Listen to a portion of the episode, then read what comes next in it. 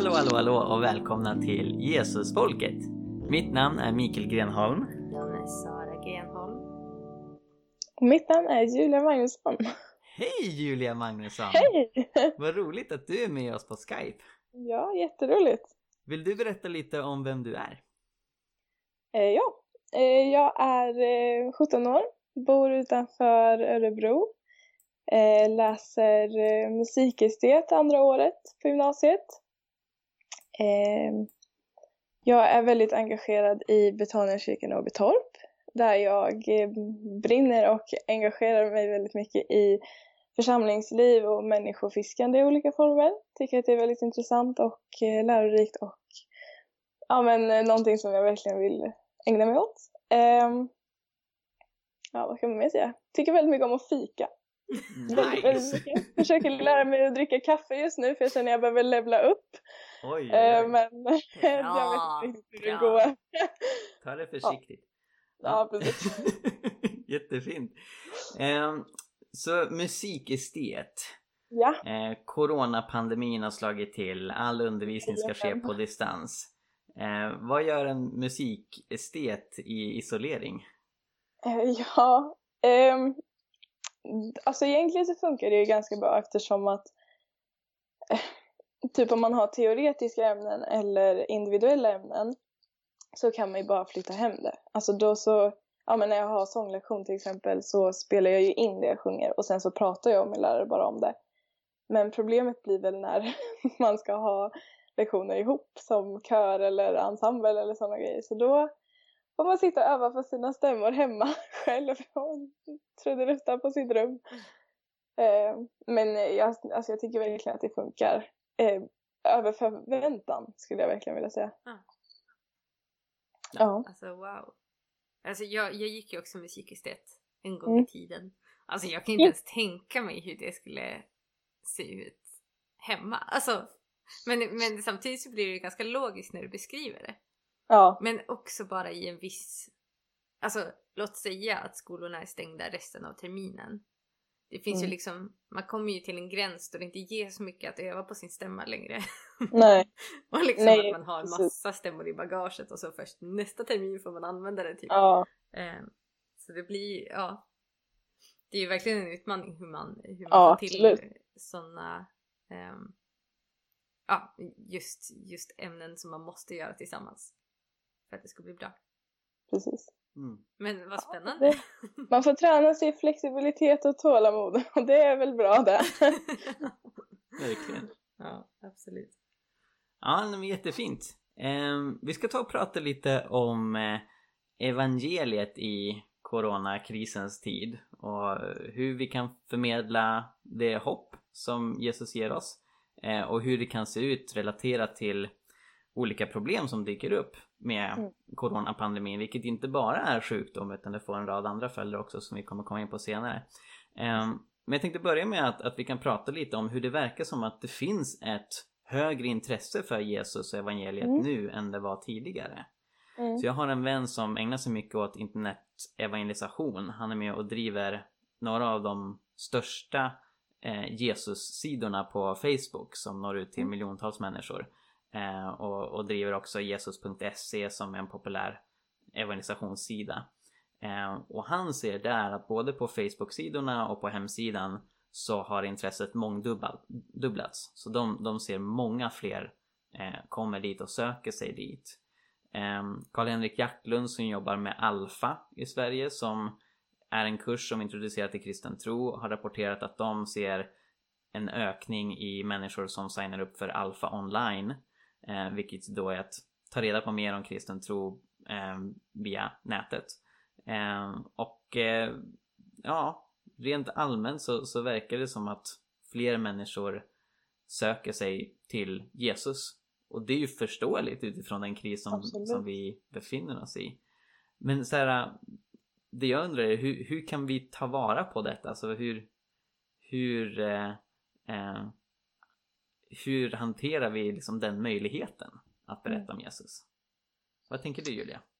Alltså jag tycker att det blir, vi hamnar i en ganska svår sits med tanke på att vi inte på samma sätt kan bjuda in folk till en fysisk byggnad eller en fysisk verksamhet. Men vi har också en ganska stor möjlighet, tänker jag, att bjuda in till enskilda samtal eller Alltså, det är många, alltså de flesta kyrkor just nu fixar ju så här eh, live-gudstjänster. Och då kan man ju bjuda in till mindre grupper som kollar tillsammans och så. För jag känner verkligen att det är så viktigt, alltså som du säger, att vi tar vara på det. Vi kan inte låta, alltså det här är ju en möjlighet. Och därför blir det liksom, vi blir ju hindrade av det faktum att vi också är stoppade. Men jag tycker att det är en jättekomplex fråga just för att man vet ju inte liksom hur, hur öppna människor är för att, ja, men för att ses eller för att eh, gå ihop och, och hur vill man in? Och därför tycker jag att sådana här sidor då, som finns på nätet, alltså allt är ju så digitaliserat nu. För mig som är en 56-årig tant i en 17-årings kropp så fattar inte jag riktigt vad som händer. Ursäkta, är du en 56-årig tant? jag kan ingenting om teknik. Så att just nu, alltså det är verkligen nästan typ min största utmaning under det här. Men det är ju superbra att andra människor kan det, som kan ta tag i det här och ja, öppna upp en helt ny värld av kyrka på nätet.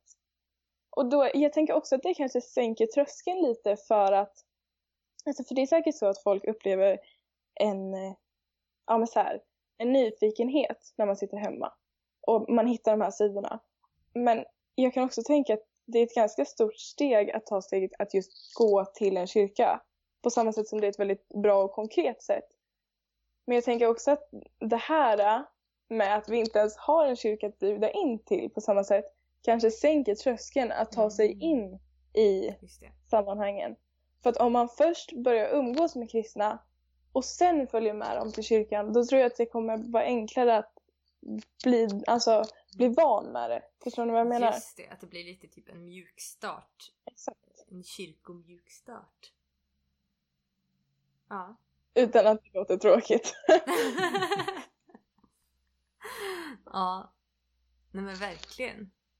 Eh, men, men jag, jag tycker också att det är eh, Jag tycker också att det är väldigt klurigt just det här med att mm. eh, fånga upp människor inom citationstecken.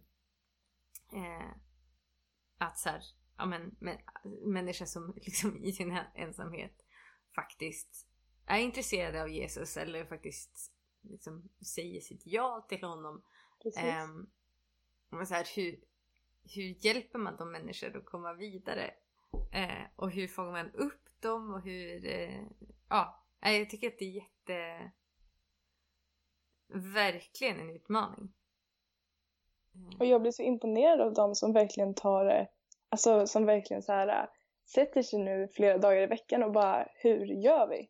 Mm. Alltså det är ju mm. supermånga församlingsledare och, och andra, alltså bara frivilliga i församlingen som bara ägnar sig så helhjärtat åt det just nu. Mm.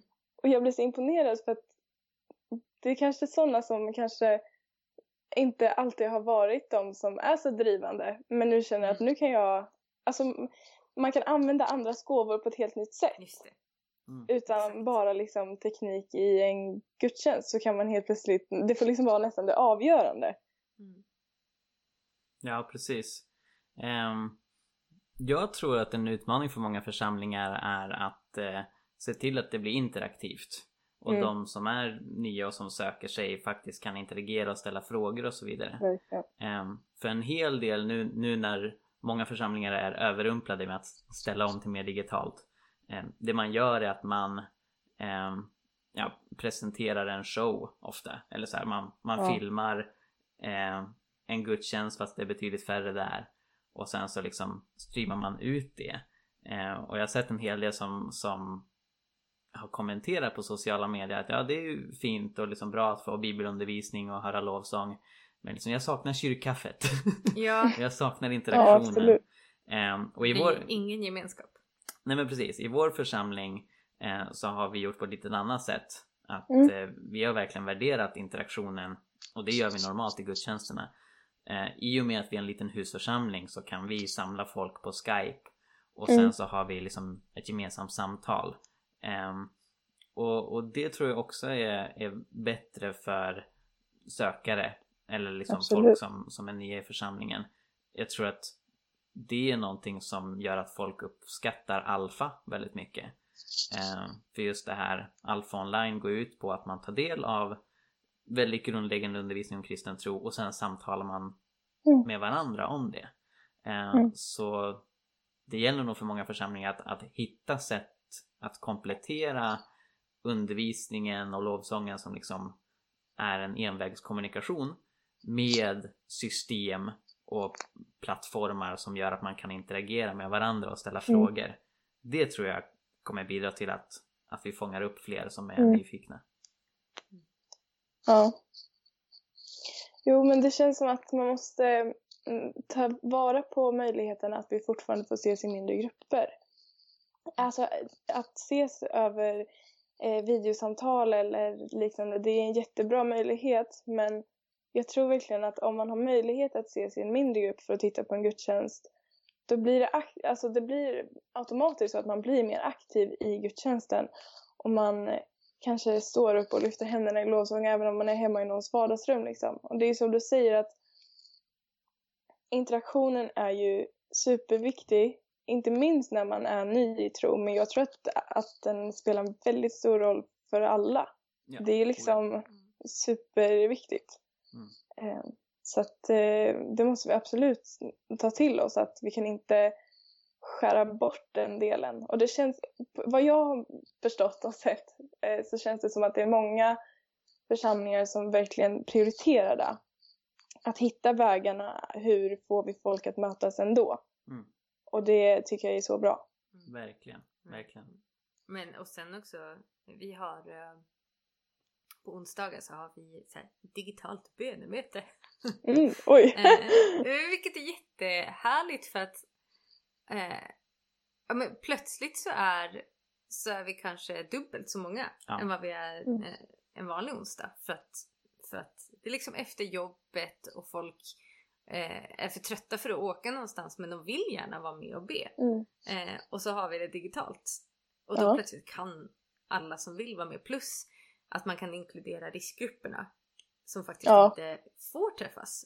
nej. Eh, det tycker jag har varit eh, ett jättebra alternativ eh, just för att alla är med på samma villkor också. Mm. Mm. Eh, för det är ju också en risk när man, alltså om man fokuserar på att, på att, även om jag tycker det är jättebra att de som inte är riskgrupper Mm, får eh, träffas liksom, i verkligheten. Mm. eh, så, så tycker jag också att det är eh, jättebra. Eller nej, så här, det, det är en risk också att, att riskgrupperna blir ännu mer isolerade. absolut. Eh, om man ja, om liksom saker fortsätter hända när man träffas eh, och de kan inte vara med. Så det tycker Nej. jag också har varit ett jättebra alternativ för oss.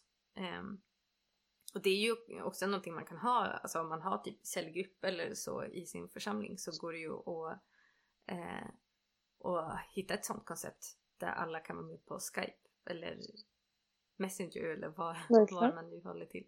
Mm. Ehm, Ja, det känns som en viktig, alltså det känns som en väldigt viktig aspekt som du säger att inte låta församlingslivet fortgå utan att alla följer med. Mm. Eh, för att vi är ju allihopa tillsammans. Mm. Så då måste ju alla få, som du säger, få vara med på samma villkor. Mm. Och det känns superviktigt. Mm. Eh, men sen tror jag också att man, alltså som du sa, man måste få, alltså som till exempel ungdomsarbeten. Mm. Jag bollar verkligen för att vi i vår kyrka ska fortsätta med det så, for, alltså så länge som det går. Att vi ändå kan ses i våran grupp Mm. som vi alltid har gjort. För då har det ändå inte varit någon äldre som har varit med som känner att den missar någonting nu. Utan det blir ändå liksom, det blir ingen som tappas, förstår ni vad jag Mm. menar? absolut. Utan vi kan bara köra på och det känns så viktigt för alla nu när när vi inte träffar folk i skolan. Och vi, alltså man träffar ju bara sin familj nästan om man inte Mm. pratar i telefon typ. Och då känns det ju viktigt att fortsätta med de här mindre grupperna. Men som du säger när det handlar om eh, församlingen i stort eller cellgrupper när man möts över generationsgränser eller vad man ska säga då, då tycker jag också att det känns superviktigt att man, att man gör det så att alla får vara med på samma villkor. Mm. Mm. Och apropå det Julia, eh, alltså eh, unga kristna som, som möts. Mm. Eh, även om du då är en 56-årig tant i en 17-årings kropp så brinner du ju verkligen för eh, att vara en ung lärjunge till Jesus och du har skrivit på hela pingsten om vad, vad innebär att vara ung kristen i klimatförändringarnas tidsålder. Mm. Och nu ska vi skicka ut bollen till dig om vad det innebär att vara ung kristen i coronakrisens tidsålder. Ja, alltså på ett sätt eftersom att vi inte som sagt var är i en riskgrupp och de flesta eh, fortfarande känner att man kan ses så fortgår ju, i alla fall i vår församling, fortgår ju det unga församlingslivet väldigt likt med den lilla detaljen att vi inte ses på söndagar på gudstjänst. Eh, men det är liksom vi, jag tror att vi måste träna oss på att, eller jag tror så här, när man är ung då är det väldigt enkelt att kunna förlita sig på att Gud möter mig när jag är med andra. Att jag kan bygga min tro på andakten med andra för det, då vet man att alla har det fokuset. När man är ung kristen i en pandemi där samling efter samling trappas bort eller ja så. Då måste man börja, ja men det kräver lite pannben. Man måste kunna sätta sig själv med sin bibel och kunna ta tiden att, ja men att faktiskt söka Gud själv. Och det här med, alltså ungdomsgudstjänster är ju en sån förmån. Alltså jag älskar ungdomsgudstjänster för det är sån fest. Men det kan vi inte ha nu. Då måste man hitta festen i att vara själv med Jesus på sitt rum. Och det tror jag är skitsvårt, rent ut sagt. Mm. om man är van med att bara träffa Jesus när man är med andra. Men jag tror verkligen att det är så viktigt att man ger Jesus en chans att, ja, men att visa sig i det enkla. För att det gör han. Man ser ofta Guds storhet i det lilla. Och nu har han sån chans att visa det för oss men vi måste bara öppna ögonen och se det. Och, och sen tror jag också att det är, alltså, vi måste ju på ett sätt kunna se allvaret i att även om vi inte är, alltså för jag har ju precis suttit här och sagt att det är så viktigt att ungdomsarbetet fortgår och la la la och det är det. Alltså jag tror verkligen det. Men vi måste också kunna ta ansvaret i att vi är 15-16 stycken som ses en fredagkväll och sen åker vi hem till våra familjer och sen åker de och träffar andra. Alltså även om inte vi är de som kan fara mest illa så måste vi också kunna ödmjuka oss och så här, inse att våra samlingar kanske inte heller kan fortgå. Och det är så surt att jag försöker, att jag behöver inse det för att som sagt jag vill ju verkligen att vi fortsätter och i vår församling så har vi bestämt att fram tills det att vi, eller alltså att det kommer starkare och hårdare restriktioner så kör vi på. Men vi har tagit bort liksom, man gör inga aktiviteter där vi till exempel lagar mat tillsammans eller och så här och det, vi går alltid och tvättar händerna innan och kanske sitter inte så nära och kramas inte och sådär. Mm. Eh, men det är ju fortfarande en risk. Vi måste ju inse ansvaret som vi tar på oss men jag vill ändå bolla för att jag tror att det är ett ansvar som är värt att ta. Förstår ni vad jag menar då? Men jag förstår vad du menar. Och det, mm. det är ju verkligen ett dilemma. För som sagt, mm. de allra flesta av er är ju säkra i båten. Um, ja. Men just i och med att ni träffar ofrånkomligen era föräldrar och några av dem kan bli sjuka eller smitta vidare och, och, sådär. Um, och, och, det är ju själva anledningen till också att, att um, eh, ja men till exempel gymnasierna går över till distans. Mm. Det är inte för att gymnasieelever är de som löper högst risk att smittas men man mm. vet ju att smittan kan sprida sig på gymnasieskolor och sen mm. så sprider man det vidare till, till äldre som man träffar. Nej men så, så det är verkligen ett dilemma men jag tänker att eh, ni som är unga eh, nu är du ju för sig en tant i en 17-åringskropp men, men kanske många andra är rätt redan vana vid teknik och vana vid att höras. Ja. Men, men det finns fortfarande liksom en, en drivkraft att det allra bästa är att träffas på riktigt? Alltså jag tror att självklart så kommer ju omställningen till en digital gemenskap vara enklare i vår generation. Det ska vi ju inte sticka under stol med. Men jag tror också att just för att vi är, alltså just nu så är ju hela våra liv vid datorerna. Alltså jag sitter vid datorn hela dagarna nästan, utom när jag liksom går ut och går efter skolan. Eh, och, eller äter mat med min familj för den. Men alltså Mm. då känns det ännu viktigare att vi verkligen ses på riktigt. Mm. Trots att man låter så gammal när man säger så, men alltså jag, jag tror verkligen på det. Att, eh, ja, men att det är viktigt. Och jag känner också så här, allt som står i Bibeln om, om gemenskap och, och Kristi kropp och att vi betyder mycket för varandra och att vi är stenar som kyrkan byggs av och la, la, la, allt sånt där är jätteviktigt bra har fått en helt annan betydelse. Alltså det har blivit så konkret. Från det att det bara har gått från att ja, det är viktigt att vi alla finns med för vi har olika gåvor och så. Också jättebra med, alltså, tolkning av det. Till att vi behöver varandra. Eh, och det, alltså på samma sätt som jag tycker att man måste ta tag i att utöva sin tro själv så får man inte bli alldeles för självständig. Eh, till exempel så i en sån här bibelapp som de flesta har så går det ju att liksom dela bibelplaner med varandra. Superbra alltså grej nu. Mm. Och då har de en sån, nu ska jag bara bolla för det här. De har en så bra funktion där för att om man delar en bibelplan med varandra då är det liksom en liten grej längst ner där man kan prata om det. Över Mm. telefonen. Jaha! Jaha.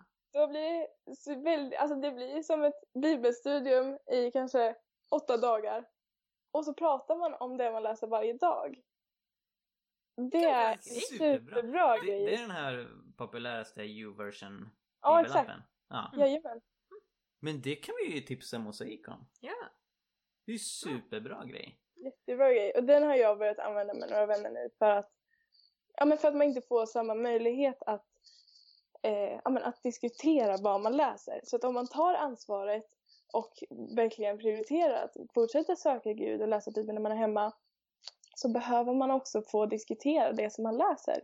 Jag tror verkligen, alltså som vi sa förut, att det är jätteviktigt när man är ny i tro men jag tror verkligen att det är lika viktigt när man är äldre i tro. Så, Mm. eh, så det är, prova det. Det är en riktigt bra grej. Ja, superbra tips. Verkligen. Mm. Mm. Ja, men, och, men jag tror också att ehm, att, att många jag tror faktiskt att, att många som eh, kanske i många år har gått till kyrkan mycket av typ slentrian eh, och typ inte känt att det har varit särskilt jätteroligt. Mm. Eh, tror jag faktiskt, alltså ibland, ibland så tror jag att det är bra med eh, ja, men att, få, att få längta lite efter något. Mm. Att, Absolut. att få sakna någonting lite. För att förstå värdet i det man har och förstå ehm, liksom, ja men förstå, förstå hur mycket man egentligen uppskattar det. Eh, Ja. Jag tyckte det var roligt på första april så, så hade Equmeniakyrkan hade en jätterolig, eh, väldigt roligt aprilskämt som ändå satte fingret på det här på något sätt. Eh, för de, de lanserade, alltså på skämt då, doftgranar som, som luktade eh, baptist, metodist och missionare. Eh, och så här, ja, eh, som, som luktade liksom, de tog så här olika saker typ om en eh, baptisten var Kongofloden och, och eh, vegetarisk korv. Eh, och missionaren var, var scout, scoutläger eller scoutrök. Ja. Någonting sånt. Eh, Scoutlägereld eller något. Och utdragna styrelsemöten. Men så, så, jag, kan verkligen, jag kan verkligen förstå vad det är de syftar på. Och jag Ja. kan komma på mig själv med på typ att jag saknar verkligen lukten av gemenskap. Typ. Mm. Eh, och jag är verkligen, alltså jag, jag är en människa, jag luktar på allt. Jag, Ja, jag det gör på hon. riktigt luktar på allt. Hon luktar Och typ på så, här, allt. så fort typ är jag ute och går och typ så här plockar upp någonting så, så här, ska jag alltid lukta på det. Ja, det är lite extremt. Men, men, men jag, och det gör kanske också att jag saknar verkligen lukten av många människor som dricker kaffe i samma rum Mm. och torra kakor var metodisten. Ja, förstås. N- någonting, någonting och torra kakor, jag minns inte vad. Eh, men, men jag tror faktiskt att det sätter fingret på hur mycket vi Alltså bara så här små grejer Mm. som vi aldrig trodde att vi skulle sakna. Mm. Som vi nu faktiskt på riktigt saknar. De här Ja. torra kakorna. För att det innebär gemenskap med människor som man tycker om i ett sammanhang Mm. som man älskar. Precis. Eh, och jag tror också, jag hoppas verkligen att vi kan hålla fast vid den känslan och eh, kanske också komma tillbaka till, alltså när vi får starta upp igen, att komma tillbaka till församlingen med nya ögon och med också ny glädje och passion i det vi gör. Mm. Eh, och att vi, så här, att vi är beredda och kan göra någonting av den när den dagen kommer. Mm. Eh, och att det kan så här, få, få förvandla någonting också. Verkligen. Ja. Och jag tänker också, det är så lätt att man hamnar i rutin när Mm. man lever i ett församlingsliv. Verkligen. Här har vi en superchans att visa att Gud inte är på rutin. Han Mm. är Ja. när, när som helst och visa att ja, men på samma sätt som man verkligen kan sakna de kakorna så kan man också märka att Gud är med även när det inte är torra kakor. Mm, Alltså, exakt. förstår ni det? Exakt. Det hoppas jag. Ja, verkligen. Ja. Ja, men precis, precis. Mm. Ehm, en grej som, som eh, har uppmärksammats väldigt mycket de senaste åren är hur psykisk ohälsa är väldigt utbrett bland inte minst unga i Sverige. Finns förstås bland äldre också men man har kunnat se en hel del ung psykisk ohälsa och det var väldigt bra att, att man har börjat prata om det mer och mer. Eh, Min syster Siri Strand är väldigt engagerad i att uppmärksamma psykisk ohälsa och många andra också. Och det finns en hel del som har gått ut nu eh, apropå isoleringen som sker för att skydda oss från pandemin. Att Mm. det tyvärr kan öka psykisk ohälsa. Mm. Eh, när människor som redan är deprimerade eller har andra psykiska problem eh, plötsligt inte kan träffa sina vänner lika naturligt eller göra saker som ger rutin i vardagen eh, så kan den psykiska ohälsan förvärras. Mm. Och ingen av oss är experter på psykisk ohälsa men vi känner Jesus och vi vet att Jesus eh, vill eh, eh, möta och hela och hjälpa människor som har psykisk ohälsa. Eh, så vad finns det som vi som lärjungar till Jesus kan tänka på när det gäller att inte bara liksom skydda människor från sjukdomen eh, covid-19 utan skydda människor från ökad Mm. psykisk ohälsa. Vad tänker ni? Ja, alltså jag tänker att här spelar ju också det här med att bjuda in till samtal och, och någon form av gemenskap en väldigt stor roll igen. Att visa på att vi vill förmedla Jesu trygghet och frid och säkerhet. För jag tror att det säkert kan vara det som, som känns extra jobbigt just nu, att allting är så ovisst Mm. allting som man vet rycks upp och det kan säkert bidra till att, att allting blir väldigt mycket jobbigare. Mm. Och då, jag läste någonstans att alltid när man tycker att man mår dåligt så ska man försöka omfamna sig med människor man gillar och det är säkert väldigt sant. Men nu är vi i en situation där man inte ens kan göra det. Mm.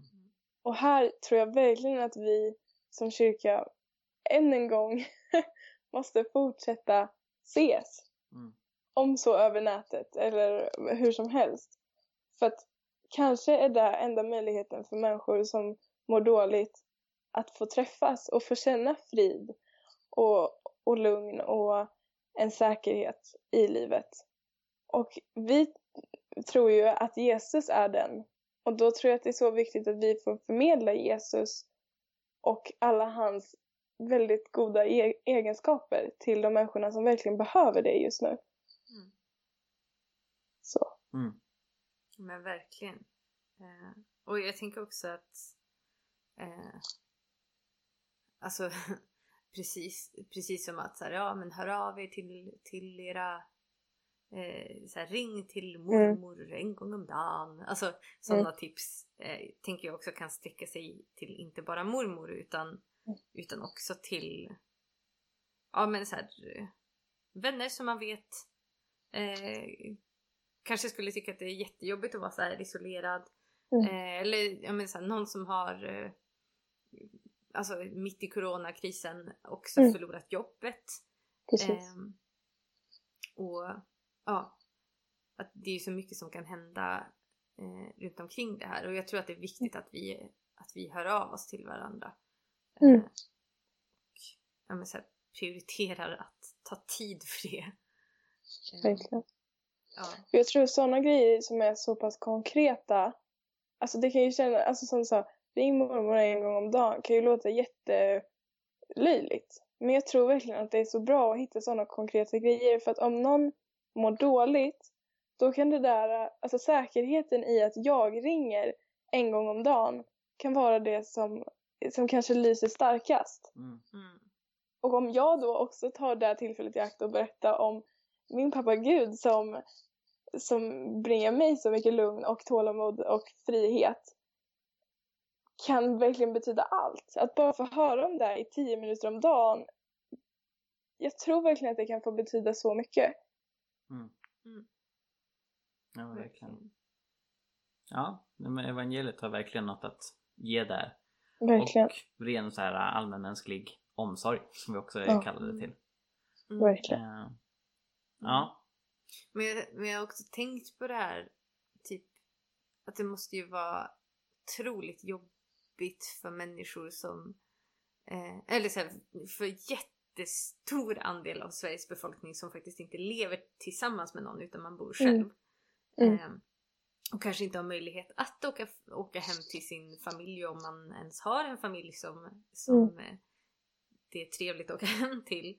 Eh, så här, och, och jag tänkte på det typ, men, hjälp så många människor som typ aldrig får en kram Ja, under den här exakt. tiden.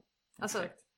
Eh, för att det alltså bor man tillsammans med någon så, så alltså jag och Mikael gör ju undantag för social distansering. Det är ju inte så att Mm. vi har skapat så här att vi sover i varsitt rum och typ bara vinkar till varandra från olika delar Ja, av köket. Utan, utan En och en halv meter ifrån varandra Ja igen. men exakt. Eh, och också så här, att bara, bara den grejen tror jag kommer, eh, ja, men kommer göra att människor mår sämre. Mm. Absolut. Och det är ju, ja, jag vet inte. Ja, hur mycket det är att göra åt. Ja, om, om man är ung och frisk och inte träffar så jättemånga andra så kan man ju höra av sig till folk som man vet är ensamma Mm. och fråga om man kan komma och ge dem en kram. Ja. Lite så. Men, och samtidigt som man då är försiktig med vi- vilka andra man träffar. Mm. ja. Ehm, mm. Jag tycker det är så fint att sådana grejer som är, ja men att få ringa till någon och säga hej vill du ha en kram? Mm. Det är så enkelt, det är liksom, vad är det, fem ord ungefär. Ja, precis. Som kan få, alltså, ja vi lever i en riktigt sugig tid just nu när allting är väldigt jobbigt men helt plötsligt så, hur klyschigt det än låter, så får allt det lilla en sån helt mycket vackrare betydelse för många. Mm.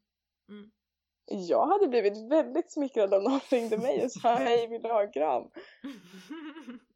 Det blir alltså, det hade jag nog tyckt var ganska konstigt om vi inte var i den här situationen som hela världen är just nu. Mm. Mm. Men nu för att vi är i det så blir det så fint. Mm. Verkligen. Och det tror jag också vi behöver ta vara på. Att vi har möjligheten att göra små saker väldigt stora. Verkligen. Jag- Jag drömde i natt att jag gick omkring och, och bar på ett marsvin. det var ett jättegulligt Jag marsvin. är inte ens förvånad. Jag träffade även hönor och kossor. Men, men marsvinet var liksom eh, höjdpunkten i drömmen. Jag gick omkring och bar på det och klappade det och ja, så. Eh, och, ja, men, och när jag vaknade så tänkte jag på men varför kan inte alla som har djur bara låna ut dem Mm. ibland till människor som människor som är ensamma och som Mm. saknar beröring. Om man, har liksom, Verkligen. om man har en liten hund som tycker om människor kan man inte låna ut den typ en timme? Mm. Och så kan Men det de har de få- gjort i något land? Jag har för mig att jag har Jo, läst jag att man har vet, men typ fått i, i Italien så, lånar man, så hyr man ut hundar jättedyrt. Oj, Bara för att Okej. människor ska ha en anledning att gå ut. För att har man hund så får, man gå ut aha. eh, på promenad. Ja, då var det inte lika fint. Det var Nej inte men lika exakt, det är inte lika fint. Bättre att Men- få den för men, att gosa med den ett tag. Men bara så här att, att, låna ut, att låna ut sina djur om man har djur som skulle trivas med det. Det skulle vara Ja. jättefint. Jag skulle Mm. uppskatta det så mycket. Ja, det skulle det Om någon kommer hej, vill du låna min katt? Ja. Det skulle jag... Så hoppa, Eller hoppas ni hör alla det i podden. Sara vill ha ett djur. Vi bor i Uppsala, välkomna hit. Nej men för att, för att så vitt man vet så tror man, så, så tror man inte att såvida man inte äter djuret så Mm. smittas det inte från djur till människa. Nej. Även om djur också kan bli sjuka i covid-19 så, så smittas det inte från djur till människa. Där måste du helt enkelt hålla tillbaka Sara. Motstå frestelsen. Vadå? Äta upp Nej, de små men- djuren. Jag har ätit upp Ja. dem, ja. Åh, tur att jag är vegan. eh, men, men, eh, men för det skulle man ju kunna göra. Mm. Utan, att, utan att riskera smitta. Och att man får beröring från en luddig varelse. Ja. Det är den bästa Jag tycker du ska bolla för det här. Det låter som du har någonting riktigt stort på spåren här. Ja. Ja, Dags för Ja. debattartikel. ja. Ja. Låna ut dina djur.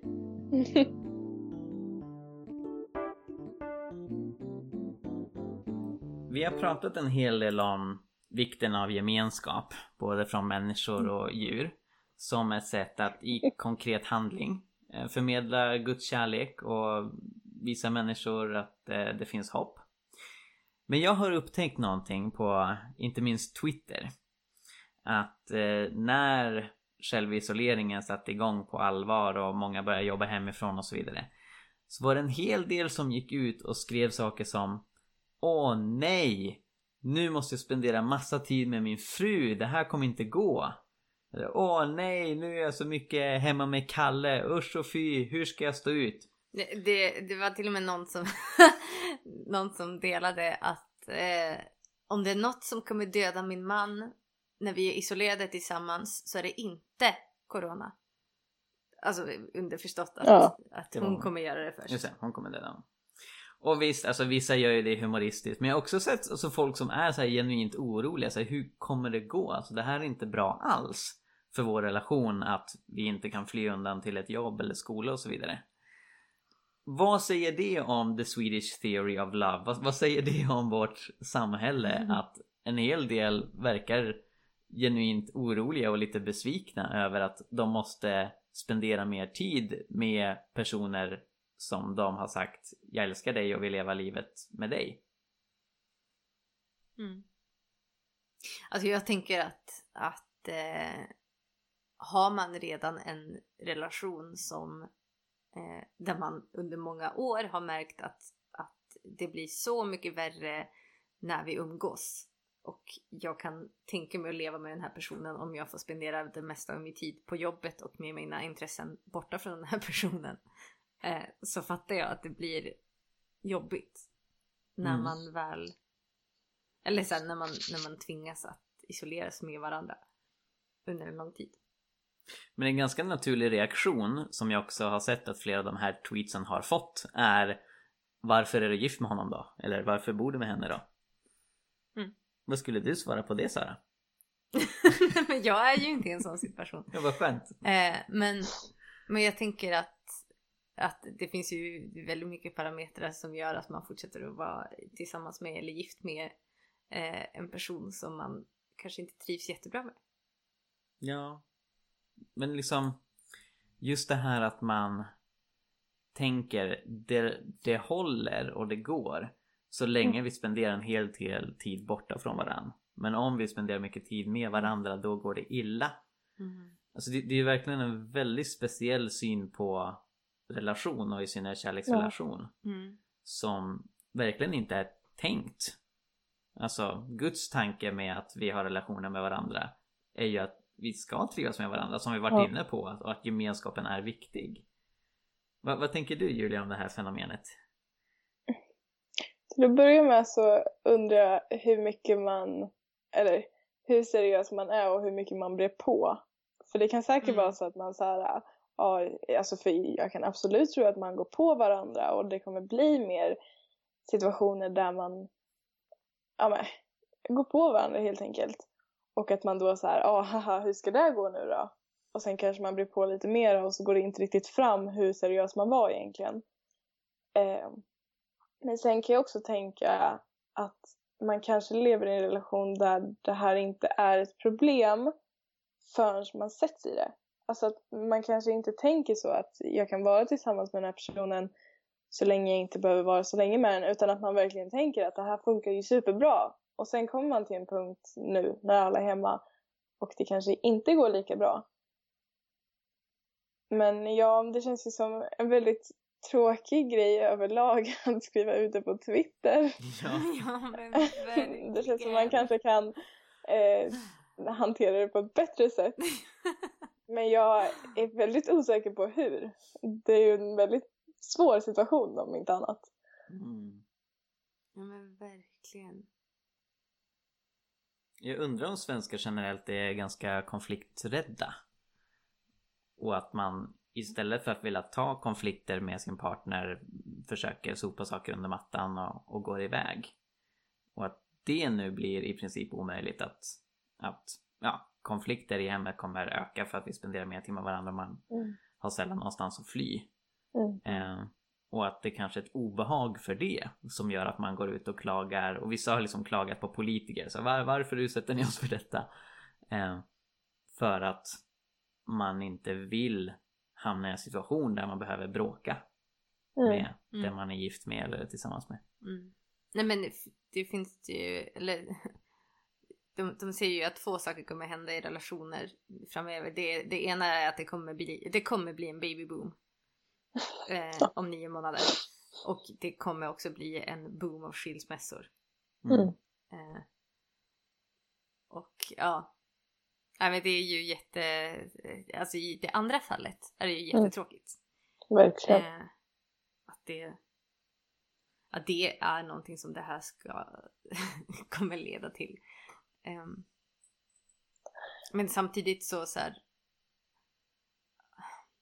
om det liksom kan få ut saker i ljuset, alltså om, om relationen redan är så Mm. fruktansvärd att man faktiskt inte kan leva med varandra och det enda eh, som har hindrat den från att eh, erkänna det har varit att man kan fly till jobbet.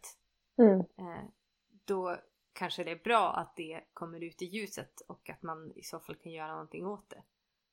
Ehm, Mm. men Jag tänker också att en utmaning kan vara att nu när man umgås med den andra så måste man vara hemma. För Mm. man kan inte gå på restaurang till exempel för det kanske inte är öppet och man kan inte titta på det där och lalala. Och då måste man helt plötsligt hitta det här romantiska och fina eh, och härliga i att vika tvätt. Mm. Vilket är jätteviktigt att man har. Men om det kanske inte har varit det som har varit det absolut romantiska man har tyckt innan så tror jag absolut att det kan vara en omställning kan vara, som kan vara svår att göra. Men också, alltså som vi pratade om förut, att de väldigt små sakerna blir väldigt fina.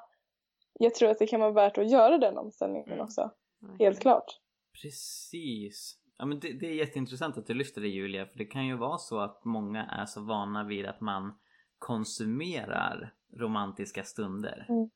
Som om vi ska ha kvalitetstid tillsammans som par, då ska vi gå på bio och spendera pengar på det och, och, eller gå på restaurang. Eller så, så här, att, att man kopplar ihop så mycket eh, det extra romantiska och tillfällen när man fördjupar relationen med Mm. att man lägger pengar på någonting snarare än att man bara är hemma och har det man vanligtvis har.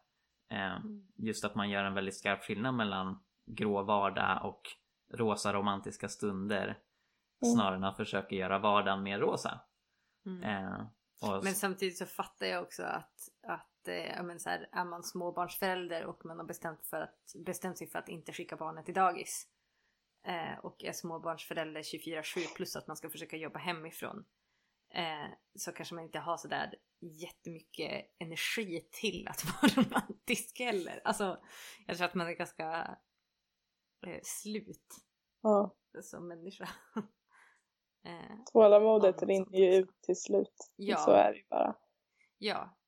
Eh, Men som sagt var, jag tror verkligen att, att som, på samma sätt som det kan vara en utmaning så tror jag verkligen att det kan vara en väldigt bra chans att Ja. börja upp, alltså uppvakta och uppskatta varandra på ett väldigt mer konkret och enkelt sätt. mm, exakt. Verkligen Så så eh, jag, jag läste om eh, att eh, myndigheterna i Malaysia eh, hade gått ut med rekommendationen från, rekommendationer från myndigheten att, att kvinnor, nu är, det, nu är det verkligen dags att sluta klaga och tjata på era män. Eh, för att man... Eh, ja, nej men helt enkelt för att man ville skydda alla stackars män som var hemma med sina fruar. Eh, som, som hade det... Som skulle ha det så jobbigt när man var isolerade. Eh, och också för att, för att eh, minska risken för våld i hemmet. För att om kvinnor bara slutar provocera eh, sina män så, så skulle männen inte bli våldsamma mm, var logiken. Sen så tog de ner det där för att de fick så sjukt mycket kritik, och inte minst internationellt. Mm. Eh, för, att, ja, för att man lägger skulden på, på fel plats. ja, eh, men, och det är ju också någonting som, som en jättetragisk konsekvens av, av corona. Att, att eh, våld, våld i hemmet eh, och, Mm. och mäns våld mot kvinnor eh, och barn ökar markant under coronatider. Eh, Mm. Man räknade, alltså om jag inte har jättefel nu, eh, så, så, så såg man en ökning med 300% i Wuhan eh, Mm. av våld i hemmet. Eh, eller mäns våld mot kvinnor helt enkelt. Eh, under isoleringen. mm, det är så mycket. Och det är ju någonting som, som eh, Alltså som jag också tror att det är jätteviktigt. Alltså att vara vaken på och att eh, ta hand om varandra i det. Eh, för att det, rent statistiskt så är den farligaste platsen för en kvinna att befinna sig på är sitt hem. Det är där kvinnor blir utsatta för, för eh, otroligt stor andel av alla brott kvinnor blir utsatta för blir de utsatta för i sitt eget hem. Mm. Eh, och att då bli isolerad där tillsammans med sin förövare eh, 24-7 i, månader Mm. eh, är ju otroligt riskfyllt för kvinnor i synnerhet. Verkligen. Så vad Mm. kan vi som eh, lärjungar till Jesus göra för att hjälpa dem för att motverka det? Men jag tänker dels typ att vara vakna på eh, vara vakna på varandra, alltså just så här ringa de här samtalen till vännerna och bara kolla hur de mår. Alltså för det behöver ju inte vara liksom en person som är sambo med någon utan det kan ju vara också, jag menar så här, går man i gymnasiet så kan det ju vara en kompis som faktiskt bara far illa hemma Mm. med sina föräldrar som inte skött sig eller föräldrar som, som kanske faller tillbaka i alkoholproblem. Mm, Eh, eller så. Eh, och att bara så här, ja, våga ställa frågan på riktigt. Hur mår du? Eh, och så här, ja, men jag vill bara kolla att allt, att allt är bra. Och kanske inte för att så här, oh, jag oroar mig så mycket för dig. Utan att Nej. det kan vara någonting som man kan ha för vana att faktiskt fråga varandra. Eh, för att det kan ju se väldigt bra utåt. Bra ut utåt. eh, men att eh, innanför eh, fasaden så kan det vara jättejobbigt för många att vara så isolerad med sin, med sin familj eller med sin partner. Men där tror jag också att det är någonting som vi kan vinna på de här, som du säger, de små samtalen. För förmodligen kommer det ju vara så att om jag tror att en av mina klasskompisar kanske är utsatt för något sånt och jag börjar ringa, det är jättesvårt att se att den skulle säga på en gång. Mm. Och där krävs ju den här kontinuiteten av att jag ringer varje dag. Och jag kollar varje dag hur det är. För att till slut så kommer man ju bygga upp den tilliten förhoppningsvis. Att den då kan, kan säga det. Mm. Men jag tror också verkligen att vi behöver vara vakna på på sådana här små varningstrianglar. Alltså Mm. eh, ibland har jag varit med om att eh, jämnåriga som jag inte har varit så nära med men har liksom skrivit så här märkliga saker på sociala medier Mm. och bara så här sånt som man inte tänker på egentligen. Det kan vara så litet men just nu så känns det så viktigt att man tar tag i små Mm. tecken. Alltså märker man någonting som kan tyda på det så ta tag i det då. Och här har ju, här känner jag att vi som Jesu lärjungar har ett ännu större ansvar. För det här är ju vad vi, ja men vad vi försöker föra fram. Att, ja men kärlek, det är vad vi försöker få, eller ge människor genom Jesus. Mm. Eller som Jesus försöker ge människor genom oss. Mm. Eh, så att jag känner i alla fall att jag har ett stort ansvar där och också alla med mig som tror på Jesus. Mm. Sen har självklart alla människor ett ansvar för att se till att människor inte far illa. Mm. Eh, men vi kan ju helt klart ta täten, tycker jag. Eh, och det är ju samma med det här att vissa ungdomar nu inte får mat. Alltså man kanske får det enda Mm. lagade mål mat i skolan och nu så äter man macka tre, dagar om, eh, tre, tre, tre gånger om dagen. Mm. Mm. Det är också jättehemskt. Och hur, hur fixar vi det? Och det här är ju jättebra för här finns det ju restauranger som har tagit tag i det och skolan har fixat så att man kanske kan få hämta på någon lokal restaurang eller något sånt där. Mm. I vår kommun så har de gjort så nu, eller de ska i alla fall prova det efter påsklovet tror jag, att vi ska få hämta på eh, liksom eh, grundskolor. Så man hämtar liksom på Ah. eftermiddagen för dagen innan. Så det är ju verkligen en bra lösning men det är ju tyvärr inte en så bra lösning för oss som bor lite längre bort. Nej, Men, precis. Det är eh, men jag tycker alltså de ska ha en stor eloge för det för det kan säkert hjälpa väldigt många. Mm. Och det är ju fler, jag såg senast idag på Facebook tror jag att det var någon, rest, mm, eller jag vet inte om det var någon restaurang som hade gjort det eller om det var någon privatperson som hade köpt in massa hamburgare från Max och eh, åkt ut med till folk som behöver det. Mm. Och där, alltså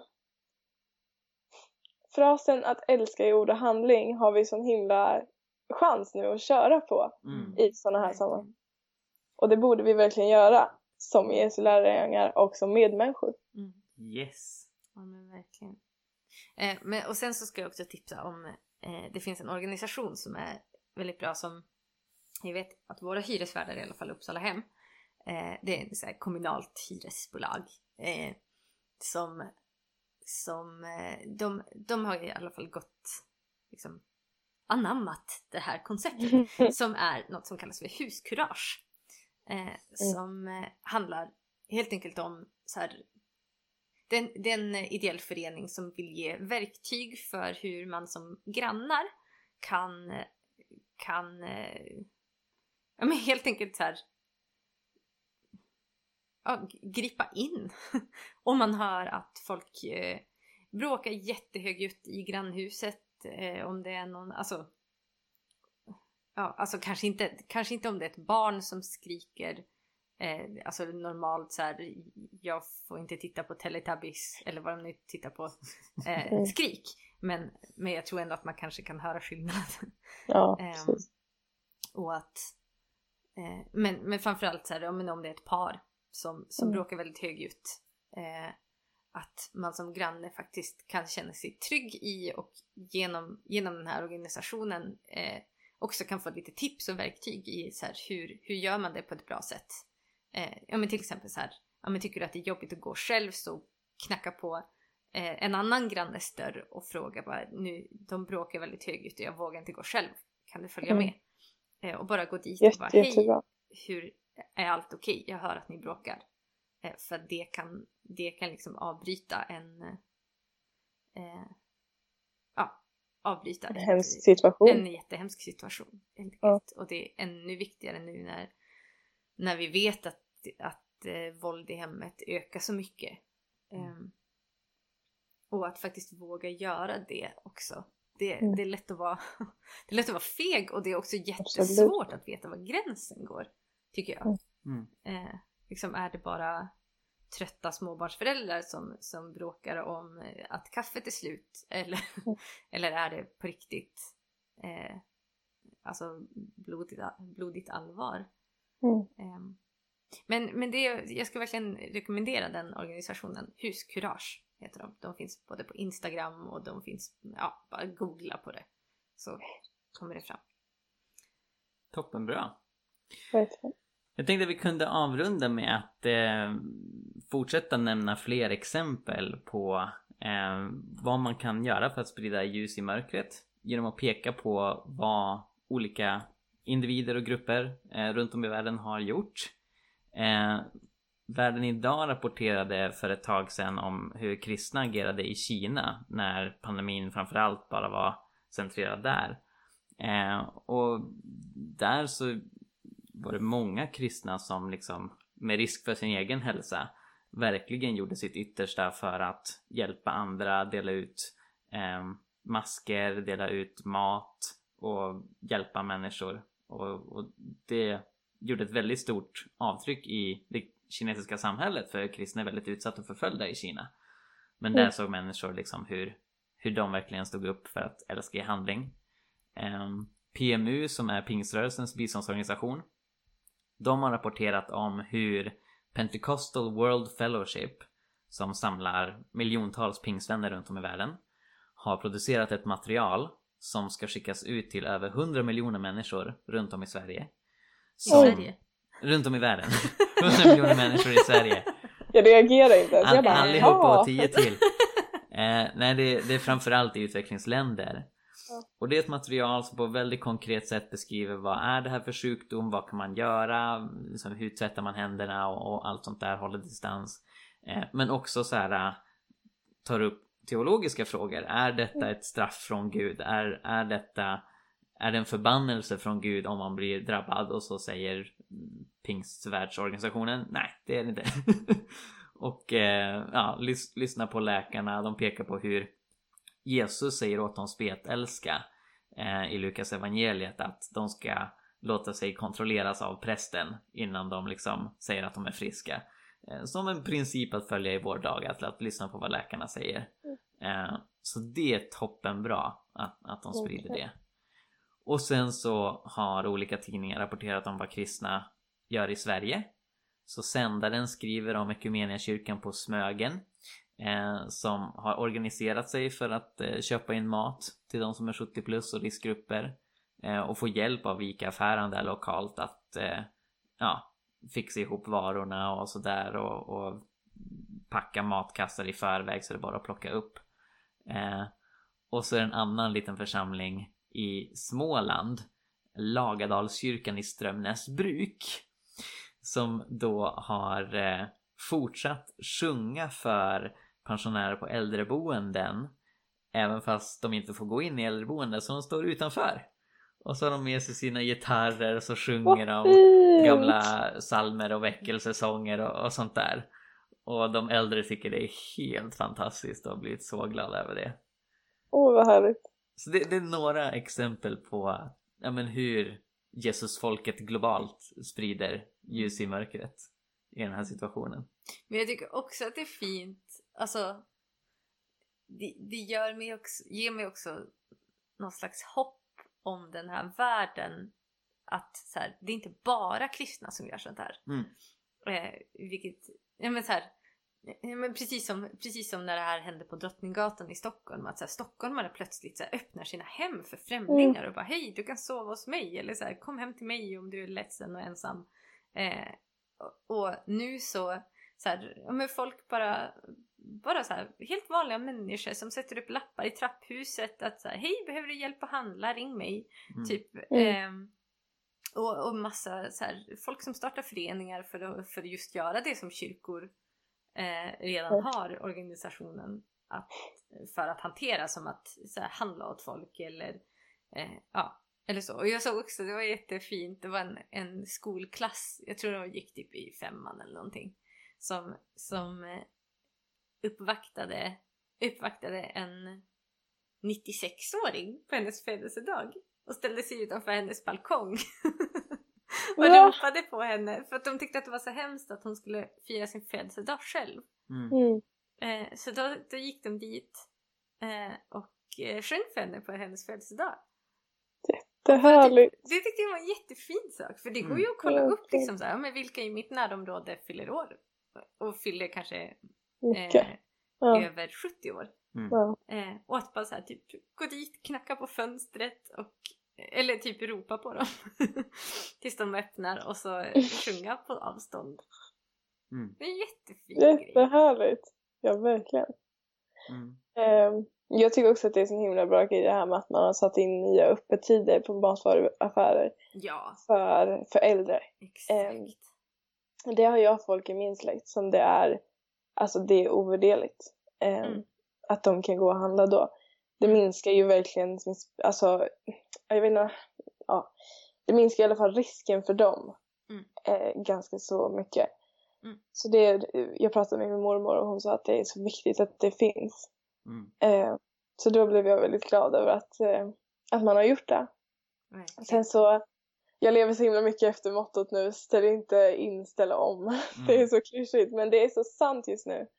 Som till exempel så här, ja men i våran kyrka nu så, eh, när vi har haft livegudstjänster så har vi varit lite så här, hur gör vi med förbön? För det vill vi ju fortfarande erbjuda. Eh, och sist jag pratade med dem så hade de ordnat ett eh, Google Docs-dokument som man kan fylla i som en enkät ungefär. Och så kan man bara så här, skriva om man bara vill ha en välsignelse eller om man vill, och så här, vill man att bönen ska skrivas ner och skickas till en så kan man skriva sitt nummer här och la la la la. Och jag tyckte, jag blev så glad när jag såg det för att det är en sån bra lösning. Och jag har inte hunnit prata med dem om hur det gick men jag tror att det gick väldigt bra. Jag tycker att det är en så bra lösning och då fanns det också så möjlighet att klicka i om man ville ha fortsatt kommunikation så att det är någon av förebedjarna som liksom hör av sig och så här ja men vill du prata om det här eller ja jag upplevde det här alltså ge den möjligheten också Mm. så att det känns ändå Mm. som som förbön i kyrkan fast på distans. Mm. Så himla bra grej. Och sen eh, våran ungdomsgrupp tror jag ska nu på påsklovet måla påskbrev och gå runt till eh, äldre i vår församling och lägga deras postlåda. Åh. Ja, fint! Jätte, jättemysigt. Jag tror att det är tanken i alla fall. Jag bollar för det här men tyvärr kan inte jag vara med. Ja. Men eh, jag tycker de ska göra det. Ja, ja absolut.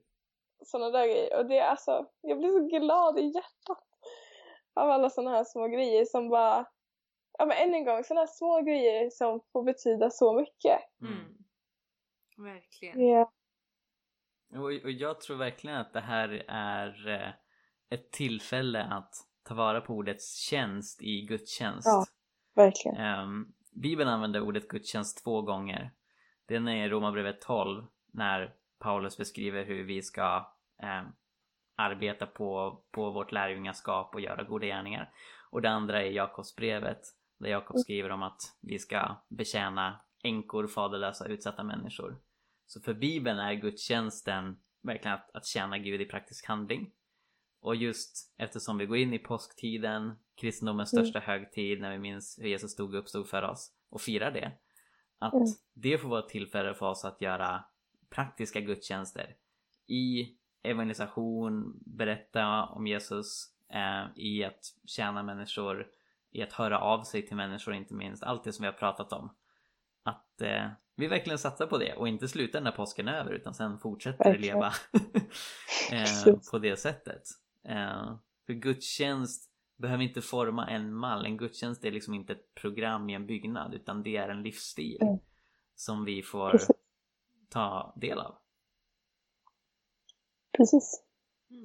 Nej, men, och jag Och tänker, samma, jag tänker att så här, eh, nu när vi faktiskt har lite mer tid förhoppningsvis att, att stilla oss lite. Så här, att faktiskt ta tid och eh, fråga, fråga heligande vad, vad, så här, vad är nästa steg?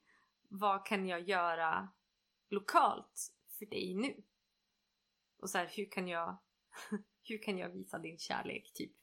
Eh, och att, för jag tror verkligen, jag tror verkligen att Gud vill eh, inspirera oss Mm. till att hitta nya sätt och hitta Verkligen. Eh, ja, men verkligen så här, men vad, behö, vad behöver mina grannar? Och att faktiskt eh, ja, göra något. göra något där och, och, och att eh, låta Gud använda den här situationen till något gott. Eh, Verkligen. Mm. Jag tror att det också att det här är en väldigt bra möjlighet för folk som har fastnat lite för mycket i att kyrka är en byggnad. Kyrka är inte byggnad. Vi är kyrkans byggstenar och vi är kyrka och kyrkan är det vi är. Mm. Jesus är inte en byggnad. Kristus eller församlingen är inte heller en byggnad. Utan det är det vi är och där vi sätter fokus på Jesus. Och det är, alltså på ett sätt så tycker jag att det är bra att vi får den här tankeställaren. Mm. Att det blir så tydligt att vi måste hitta tillbaka till att kyrkan är inte byggnad, kyrkan är vi. Mm. Eh, sen hade jag väl önskat att det inte var lika drastiskt på uppvaknande men, Ja, exakt. Verkligen. men verkligen så. Mm. Mm. Hörni, tack så jättemycket för det här samtalet. Jag känner mig själv väldigt inspirerad Mm. att eh, sprida ljus. Och eh, ja, vill verkligen eh, först och främst tacka dig Julia för att du var med. Hur kändes det att podda för första gången? Det var väldigt, väldigt roligt. Vad roligt! Bra! Strålande! Och tack alla lyssnare för att ni har lyssnat. Hoppas ni också känner er inspirerade. Hoppas att ni är friska och krya och eh, tar hand om er och människor runt er. Och så sprider vi Guds rike tillsammans. Yes. Strålande! Ha det bra Toppen. allihopa! Tack tack! yes. Skönt att höra från dig så att du vill att jag ska ha det bra.